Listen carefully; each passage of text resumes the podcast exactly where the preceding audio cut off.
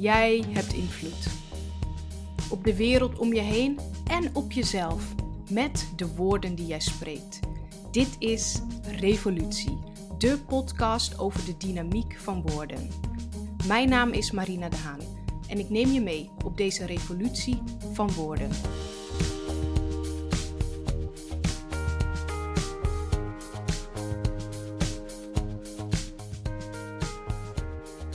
Stewardess.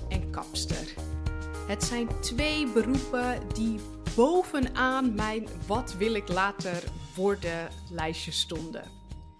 Stewardess en kapster. Ik moet een jaar of tien geweest zijn toen ik dit had bedacht.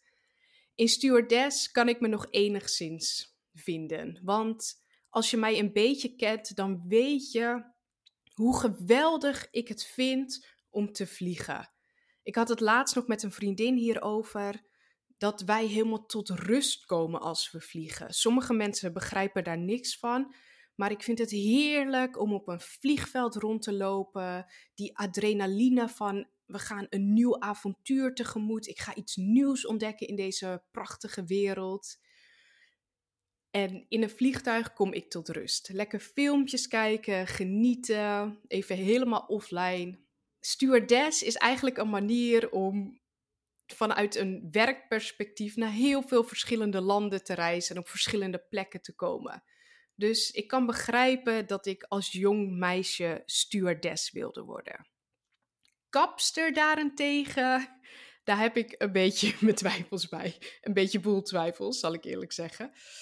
Ik heb geen idee waarom ik ooit kapster wilde worden. Misschien omdat ik het vroeger leuk vond om naar de kapper te gaan. Ik weet nog dat wij als gezin in Wormer woonden. Ik heb tot een jaar of zes in Wormer gewoond.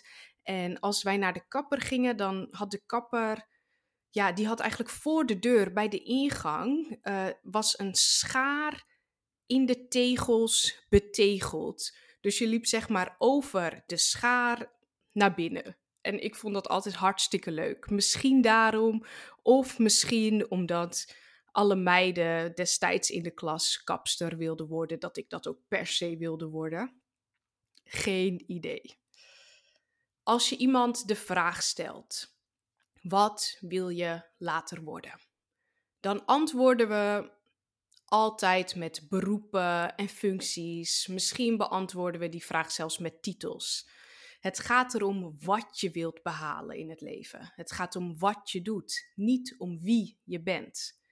Vaak koppelen we ons beroep aan onze identiteit. Maar stel dat je van beroep verandert. Dat gebeurt tegenwoordig vaak. Stel dat we dat doen. Verandert je identiteit dan ook of behoud je je identiteit? Stel je bent journalist en je kiest ervoor om trouwambtenaar te worden. Verandert je identiteit dan? Ik denk van niet. Ik denk dat je je identiteit behoudt. Ik denk dat enkel je functie verandert. We zouden die vraag: wat wil je later worden? dus niet zo gauw beantwoorden met woorden als: ik wil onzeker worden, instabiel, overspannen, broos, wankelbaar. Logisch, dat wil niemand natuurlijk worden.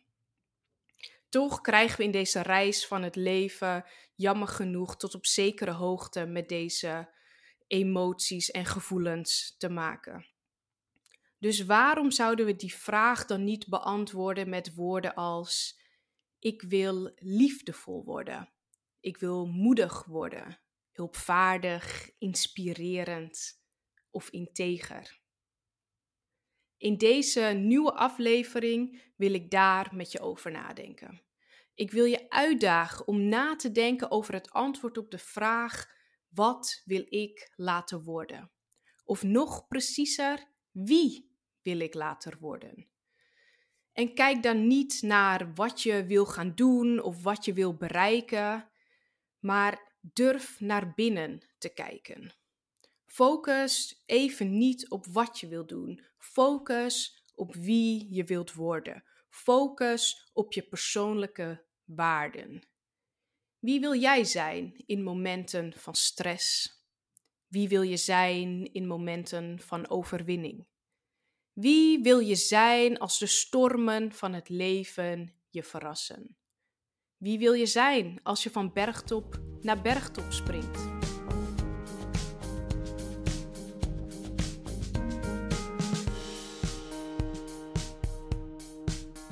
In deze aflevering ga ik je geen stappenplan geven. Hoe je de persoon kan worden die je wilt worden. Dus geen vijf tips, geen grafiek, niets, noppes, nada, niets van dat. Gewoon met elkaar nadenken over de vraag: wie wil ik later worden? Ik heb laatst een boek gekocht van Charlie Mackesy. Misschien ken je het wel. Het eh, duikt tegenwoordig op verschillende plekken op. En het heet The Boy, The Mole, The Fox and The Horse. Ik heb het in het Engels gekocht trouwens, maar het is er ook in het Nederlands. Het is een boek over vriendschap. Vriendschap tussen een jongen, een mol, een vos en een paard. Het zijn voornamelijk illustraties. En de woorden zijn minimaal. Maar de woorden die er staan, die zijn echt profound. Ze zijn echt prachtig en ontroerend. Ik vind vriendschap trouwens een van de mooiste onderwerpen om over te schrijven, om over te lezen, om over te delen. Dus als een boek over vriendschap gaat, dan vind ik het al gauw ontroerend. En mijn gevoel gaat vaak heel diep. Dus met deze illustraties voelde ik soms al een beetje vocht in mijn ogen komen, omdat ik het zo mooi vond. En ik luisterde laatst naar een inspirerende boodschap waar de spreker ook dit boek bij zich had. En hij had een boodschap over vriendschap. Hij vertelde dat vrienden je een veilige ruimte bieden waar je helemaal jezelf kunt zijn. Bij hen is het niet gevaarlijk. Zij creëren een plek zonder gevaar waar jij mag komen zoals je bent. Hij zei ook dat vrienden je vleugels geven. Ze moedigen je aan om door te zetten. Ze hebben vertrouwen in je. En dat zie je terug in het boek van Charlie. Naast vriendschap gaat het ook over karakter. En op een van de pagina's zie je de jongen en de mol op een tak van een boom zitten. De jongen vraagt aan de mol: Wat wil je laten worden als je groot bent? En de mol antwoordt met grootse dromen. Hij wil strafrechtadvocaat worden, of cardioloog, of piloot, of chirurg, of artiest, of componist, of. Nee, dat antwoordt de mol allemaal niet. Wat de mol wel antwoordt? Wat wil je laten worden? vraagt de jongen. En de mol antwoordt: Ik wil vriendelijk worden. Of in het Engels: kind. De mol wil vriendelijk worden. En als je de pagina omslaat, dan zie je die twee nog steeds naast elkaar zitten.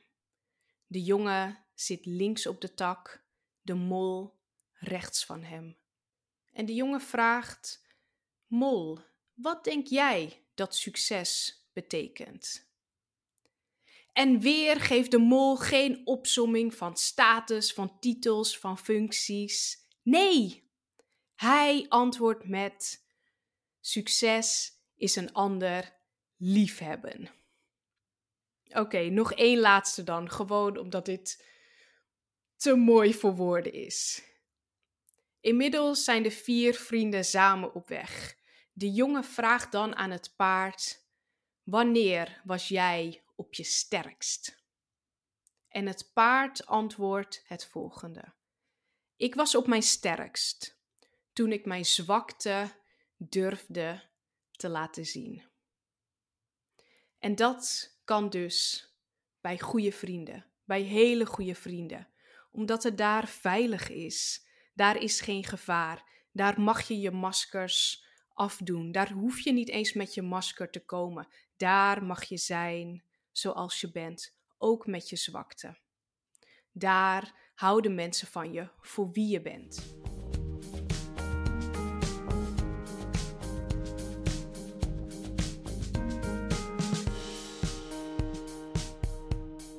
Als jong meisje sprak ik heel veel negatieve woorden tegen mezelf. Ik heb in de eerste aflevering, vrij van schaamte, daar veel over gedeeld. En als je wilt, kan je die aflevering terugluisteren. Maar er was één zin die ik tegen mezelf zei, die niet negatief was. En ik heb die echt heel regelmatig gezegd. En eigenlijk zeg ik die zin nog steeds. Waar het destijds vandaan kwam, ik heb geen idee. Maar ineens was het er en het is gewoon niet weggegaan. Als jong meisje zei ik altijd, en ik krijg een glimlach op mijn gezicht als ik dit nu op de podcast ga zeggen. Maar ik zei altijd: Ik ben lief. En ik zei het soms zo vaak dat volwassenen het vervelend vonden, want dat zeg je toch niet over jezelf. Maar ik vond het nooit vervelend, want ik weet dat woorden kracht hebben. En dit is zo'n voorbeeld van wat woorden kunnen doen. En misschien komt het niet heel bescheiden over om dit over jezelf te zeggen. Maar de mensen die mij goed kennen, die zijn niet verrast dat ik dit soort woorden uitspreek. Want weet je, volgens mij ben ik nog steeds hartstikke lief. Volgens mij ben ik alleen maar liever geworden naarmate ik ouder werd. En dan bedoel ik niet lief als in zoetsappig, ik laat over me heen lopen. Oh, wat een schattig meisje. Nee, dat is niet wat ik bedoel. Ik bedoel lief zijn voor jezelf. Voor jezelf zorgen. Je grenzen durven stellen en aangeven. Ik bedoel opbouwende woorden spreken tegen jezelf, maar ook tegen anderen. En ervoor kiezen om in vriendelijkheid te reageren. Ook als dat soms moeilijk is. En dat is het soms natuurlijk. Fake it till you make it is een bekende uitspraak. Laatst luisterde ik naar een podcast waarin een sociaal psycholoog werd geïnterviewd. En zij had een interessant inzicht hierover. Zij zei namelijk niet fake it till you make it, maar fake it till you become it. Dus doe alsof totdat je dat wordt. En volgens haar moet je eerst iets doen voordat je erin gaat geloven. Waar geloof jij in voor jezelf? Hoe zie jij jezelf op dit moment en waar zou je graag naartoe willen? Met het ontdekken van je identiteit zijn we volgens mij jaren zoet, misschien zelfs een leven lang. Ik moet denken aan het boek Becoming van Michelle Obama. Het leven is een reis en je bent constant aan het worden.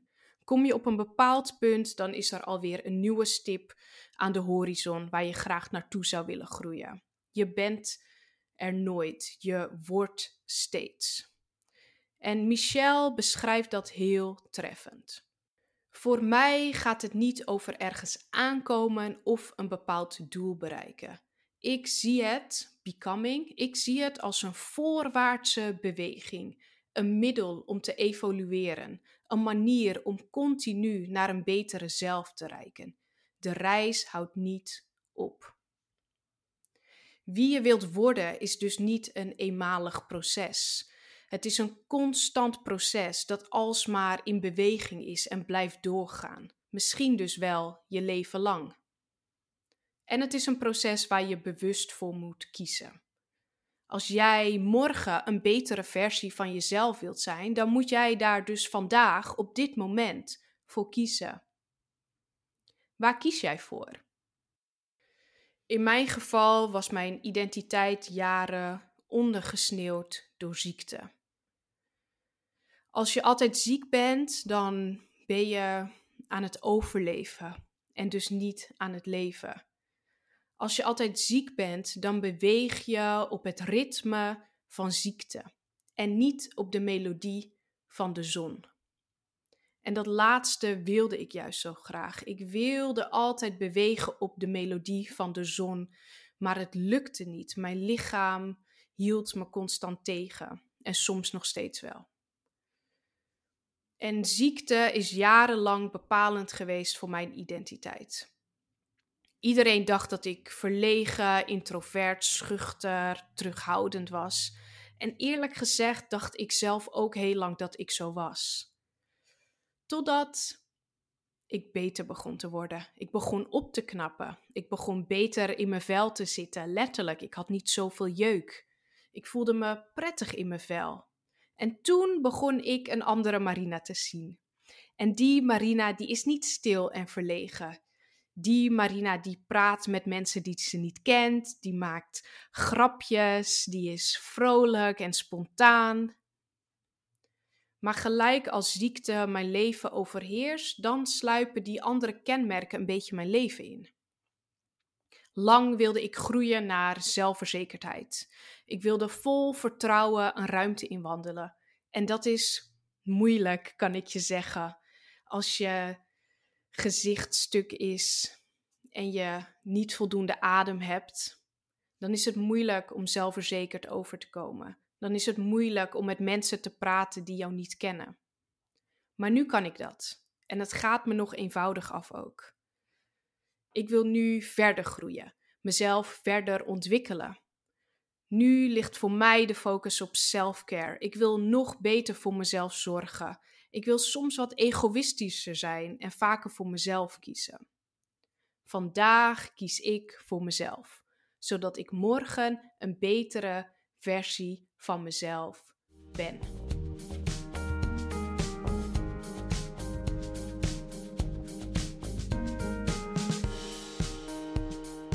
We staan dus nu voor een keuze. Denken we groot of denken we klein? Roos Vonk is sociaal psycholoog en zij is voorstander van wat zij beschrijft als groot denken. Volgens haar is groot denken in het belang van de wereld. Laten we eerst even kijken naar klein denken. Wat betekent dat precies? In tijden van crisis hebben we de neiging om te vechten voor onze belangen. En dat is wat kleindenken is. Je wilt dus vechten voor je eigen belangen. Praktisch gezien uit dat zich in bijvoorbeeld hoe krijg ik mijn geld terug van het theater? Of hoe zorg ik dat mijn plan in het werkoverleg wordt aangenomen? Met kleindenken ben je vooral gefocust op het gedrag van de ander. En groot denken is leven volgens je waarden in plaats van je belangen. En dat is volgens Roos beter voor jezelf en voor de wereld.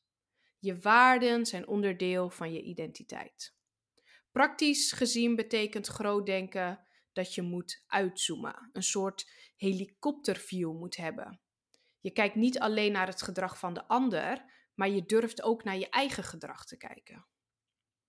Waar klein denken leidt tot conflicten met anderen, leidt groot denken juist tot meer verbinding. Groot denken is dus de basis om met anderen in gesprek te gaan over hun waarden. En dat doe je met respect. Je laat elkaar in elkaars waarden. Je gaat niet de strijd aan om je gelijk te halen. Je luistert. Je gaat niet met modder gooien. Je laat elkaar in elkaars waarden. En we zitten nog steeds in deze coronacrisis. Het is nog altijd crisistijd en sommige mensen zitten in een persoonlijke economische crisis. En het dagelijks leven stuurt onze aandacht al gauw naar onze belangen. Al gauw naar wat we voor elkaar willen krijgen en wat we willen hebben. Hier ga je dus meer in op wat je later wil worden, in plaats van wie je morgen wil zijn. En dat afstemmen op je eigen waarden, dat gaat niet vanzelf. En dat gaat ook niet van de ene op de andere dag. Dat is iets wat je bewust moet doen. Je moet daar bewust mee bezig zijn. En praktisch gezien kan je dat doen door elke dag even de tijd te nemen voor reflectie. En een vraag te beantwoorden als: lig ik op koers? Is dit de route die ik wil bewandelen? En pak dan ook die helikopterview, zodat je meer ziet dan alleen het gedrag van de ander bijvoorbeeld, of alleen je eigen gedrag, maar pak die helikopterview zodat je alles kan overzien. En je zal merken dat hoe vaker je afstemt op die innerlijke zender, hoe sterker die wordt. En dat is ook zo met een radio. Hoe je vroeger aan het knopje moest draaien om de frequentie te zoeken. Soms doe ik dat in de auto nog. Zo is dat ook met die innerlijke zender. Durf jij je belangen belangeloos neer te leggen? Durf jij te kiezen om groot te denken? Ontdek waar je voor staat en wie je bent. En blijf trouw aan jezelf. Ik heb daar een gedicht over geschreven. Stay true to you. Blijf trouw aan wie je bent. Wat er ook gebeurt, waar je ook doorheen gaat. Blijf trouw aan jezelf. Dit was Revolutie, powered by Zoete Liefde. Leuk dat je luisterde. Blijf op de hoogte door Zoete Liefde te volgen op sociale media. En wil je meer weten over storytelling of workshops? Ga dan naar onze website zoeteliefde.com.